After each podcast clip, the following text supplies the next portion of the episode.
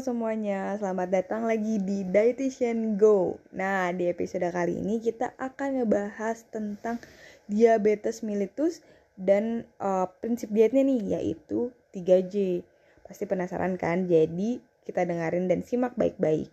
Oke, pada kesempatan kali ini perkenalkan nama saya Sri Pujasuti, mahasiswa profesi dietitian uh, di Fakultas Kedokteran Universitas Brawijaya. Pada kesempatan kali ini kita akan ngebahas barang-barang terkait hal tersebut yaitu DM dan prinsip 3J. Yay! Jadi, diabetes mellitus merupakan salah satu penyakit gangguan metabolik yang disebabkan karena tubuh tidak dapat memproduksi cukup insulin. Nah, insulin itu apa sih fungsinya? Jadi, insulin ini merupakan salah satu kunci ke dalam sel atau ke dalam tubuh untuk dapat memberikan energi kepada organ-organ yang ada di dalam tubuh. Jadi kebayangkan kalau misalnya kuncinya jadi kurang, berarti energi dalam tubuh kita tuh gak cukup ataupun kurang. Nah, salah satu yang menjadi sumber energi dalam tubuh kita adalah gula ataupun glukosa. Nah, atau makanan-makanan manis nih. Nah, jadi fungsinya makanan manis ini adalah sebagai sumber energi. Nah, kuncinya ini adalah insulin. Kalau misalnya insulinnya kurang, otomatis si gula ini atau uh, karbohidrat ini tidak bisa dapat masuk ke dalam sel-sel ataupun organ sebagai energinya. Jadi harus cukup dulu nih kuncinya. Lah, terus kalau misalnya kuncinya nggak cukup, akhirnya ke mana nih gula-gula sama glukosanya? Nah, ini dia yang menyebabkan diabetes mellitus ataupun tingginya gula dalam darah. Karena dia nggak bisa masuk ke sel ataupun organ, akhirnya gula tersebut akan banyak di dalam darah. Nah, hal ini yang akan menyebabkan banyak penyakit-penyakit penyerta lainnya, seperti bisa pandangannya kabur, terasa lemas, sering buang air kecil, sering merasa haus, sering merasa lapar, ataupun uh, berkurangnya masa otot jadi kayak sering kesemutan seperti itu. Nah, karena tingginya dalam gula kadar gula dalam darah juga ini bisa menyebabkan penyakit-penyakit lainnya seperti ginjal, gangguan ginjal, terus fungsi hati ataupun fungsi jantung seperti itu. Nah, lanjut lagi nih. Terus kalau misalnya dari gizi itu bagaimana ya ngatasin diabetes mellitus ya kan?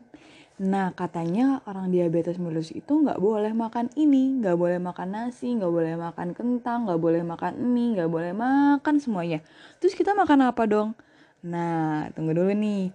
Sebenarnya untuk para diabetes sih ataupun penyandang uh, diabetes mempunyai prinsip atau pengaturan diet tersendiri yang telah diatur oleh Kemenkes.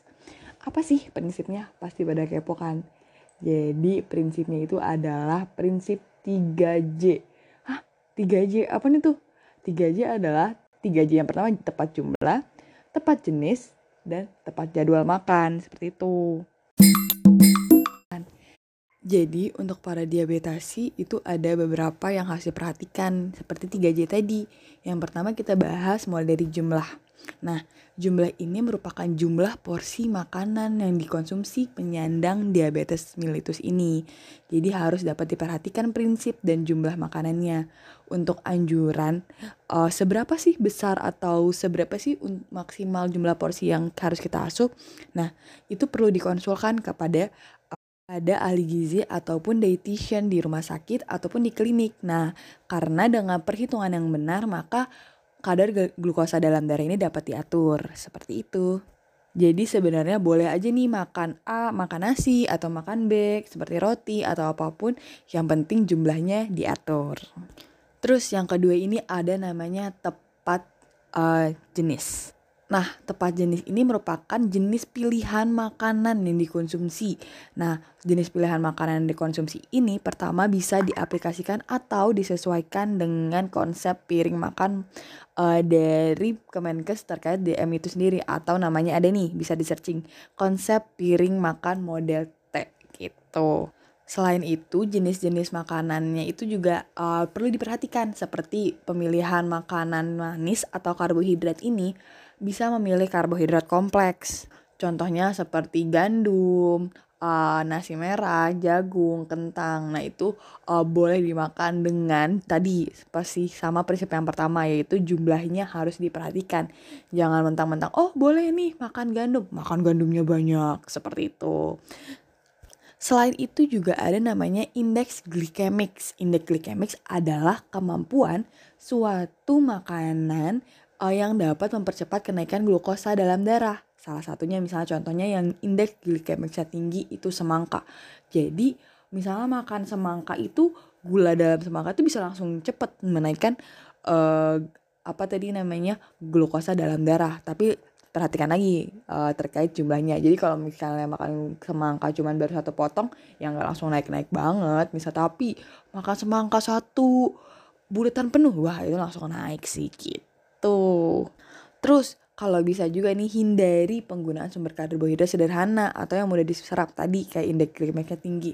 Selain itu seperti kayak gula pasir, gula jawa, sirup, selai, manis-manisan, dodol, es krim dan lain-lain. Nah itu perlu dihindari uh, gitu. Bukan nggak boleh tapi uh, dihindari atau sangat-sangat-sangat dibatasi. Terus kayak pemilihan apa lauk-lauknya itu bisa dipilih dengan lauk yang rendah lemak karena yang tadi karena uh, si DM ini bisa menyebabkan beberapa penyakit lainnya kayak jantung, uh, ginjal ataupun yang lain. Uh, ini bisa bahaya kan kalau lemaknya tinggi. Contohnya itu misalnya uh, contoh makanan hemoni yang lemaknya rendah itu misalnya kayak apa ya?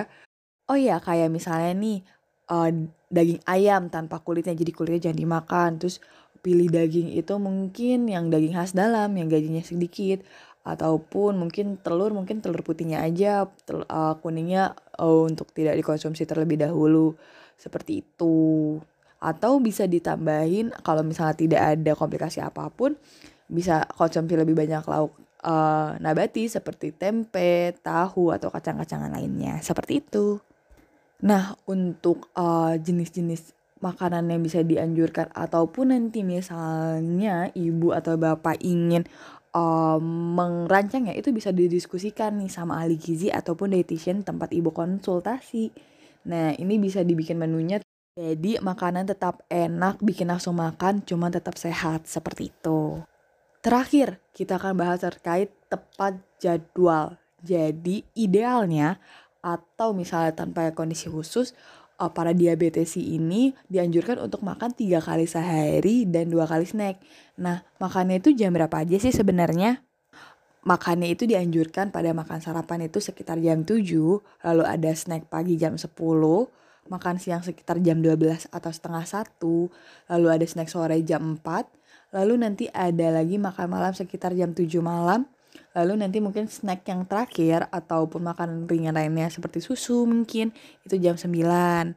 Nah, kenapa sih perlu diatur banget nih jadwal makanan dari uh, si penyandang diabetes ini?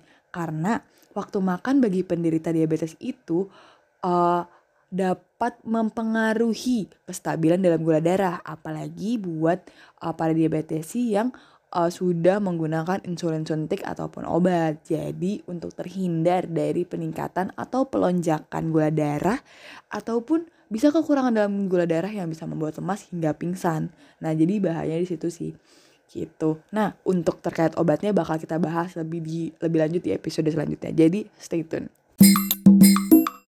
Nah, itu dulu bahasan terkait 3J atau diet atau prinsip untuk uh, makannya para diabetesi atau penyandang diabetes. Nah, uh, selain para diabetes bisa juga kok untuk uh, kita yang sehat-sehat ini menerapkan prinsip 3J ini karena agar terjaga dan mencegah terjadinya diabetes mellitus terjadi pada tubuh kita. Uh, sekian informasi yang saya berikan pada hari ini terkait prinsip 3J. Semoga ilmu ini bisa bermanfaat buat banyak orang dan semoga teman-teman, bapak-bapak, ibu-ibu semua yang mendengarkan podcast ini dapat sehat selalu dan tetap bugar dan berstamina. Selamat menjalani hari ini. Sekian dari saya. Saya di Dietitian Go. Dah.